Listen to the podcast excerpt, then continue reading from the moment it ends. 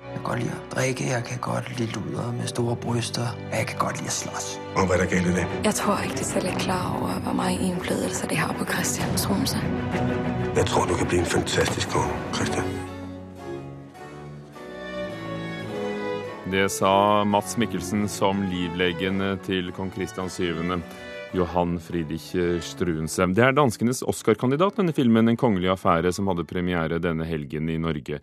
Historien om et trekantforhold som beseilet Danmark-Norges skjebne, den gale kong Kristian 7., hans kone Karoline og livlegen Johan Struense.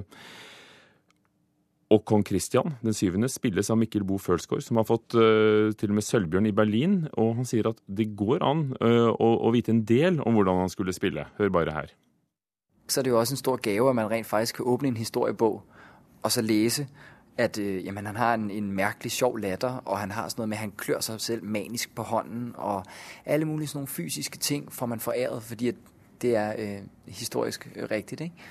Øh, så der var det sådan set bare for mig at lave en, en lang liste af ting, som jeg synes kunne være sjovt at have med i karakteren. Og så i samarbejde med regissøren Nikolaj selv, øh, at få det ind i, i, i karakteren. Det sa Mikkel Boe Følsgaard, som spiller altså Kristian 7. Hilde Sandvik, eh, førsteamanuensis i historie, Universitetet i Oslo. I filmen portretteres kong Kristian eh, som fullstendig gal med disse, disse ticsene vi hører om her. Hvor gal var han? Det er vanskelig å stille diagnoser i ettertid, men han har jo fått diagnosen som schizofren, annet.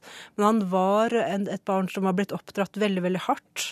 Eh, og kanskje så er det da en sykdom som utviklet seg over tid, men man mener at den virkelig slo ut i blomst eh, da, ja, omtrent da han eh, var nygift, altså rundt 17-18-årsalderen så vil det stemme at han var uten evne til å fatte selvstendige beslutninger, ja. uten evne til å stå opp mot disse mektige adelsmennene som utgjorde statsrådet og, og regjerte over hodet på ham. Både fordi han var veldig ung, fordi at han var oppdratt uh, veldig, veldig hardt, uh, brutalt, og fordi at det var en lang tradisjon nettopp at disse store adelsmennene, sentrale embetsmennene, at de faktisk var de som styrte i det eneveldige Danmark.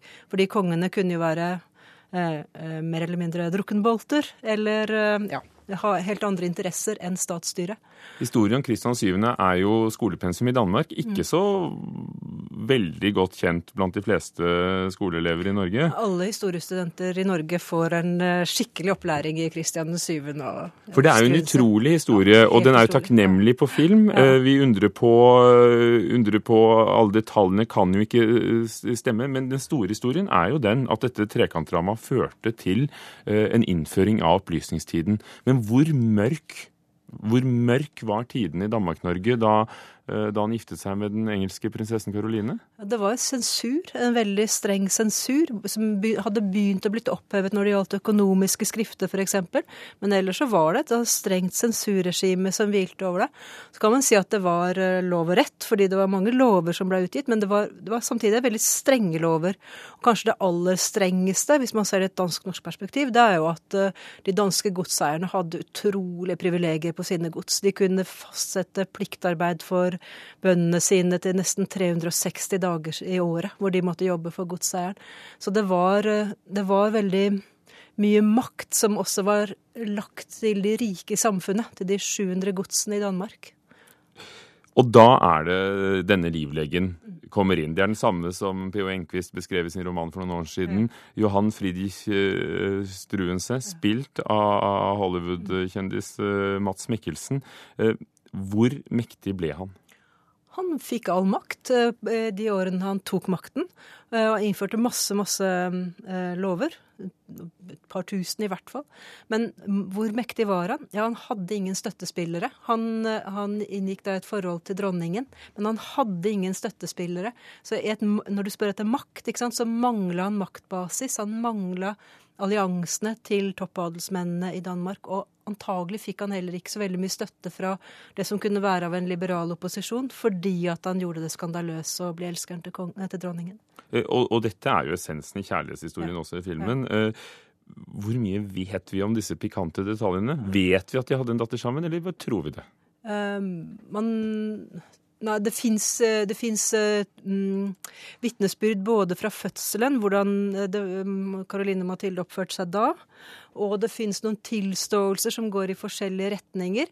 Og så fins det en viss portrettlikhet, men altså dette er da basert på malerier, ikke sant. Så det er jo man, man, vet ikke, men man antar at uh, datteren var da uh, datteren til Struense, men sønnen, som da blir uh, den unge kronprinsen som noen år senere gjør statskupp mot sin egen far, han var da sønn av Caroline Mathilde og den gale Kristian 7. Så da kommer altså denne tyske legen, og så har du den engelske unge dronningen.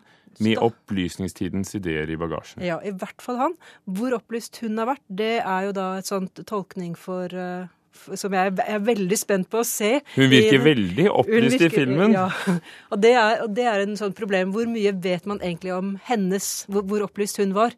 Og der tror jeg, der, der, strides også historikerne litt. Men Hilde Sandvik, hva gjorde Struense med sin allianse med dronningen i disse årene fra 1770 og, og i de to årene frem til han mister hodet, mm. bokstavelig talt? Hva gjorde han som, vi, som satte spor i Danmark og Norge? For vi var jo et land. Mm. Altså, han oppheva jo eh, Eller han, han oppheva trykkesensuren. Eh, og han innførte masse masse lover, men nesten alle disse her blir jo da oppheva etter at hans fall.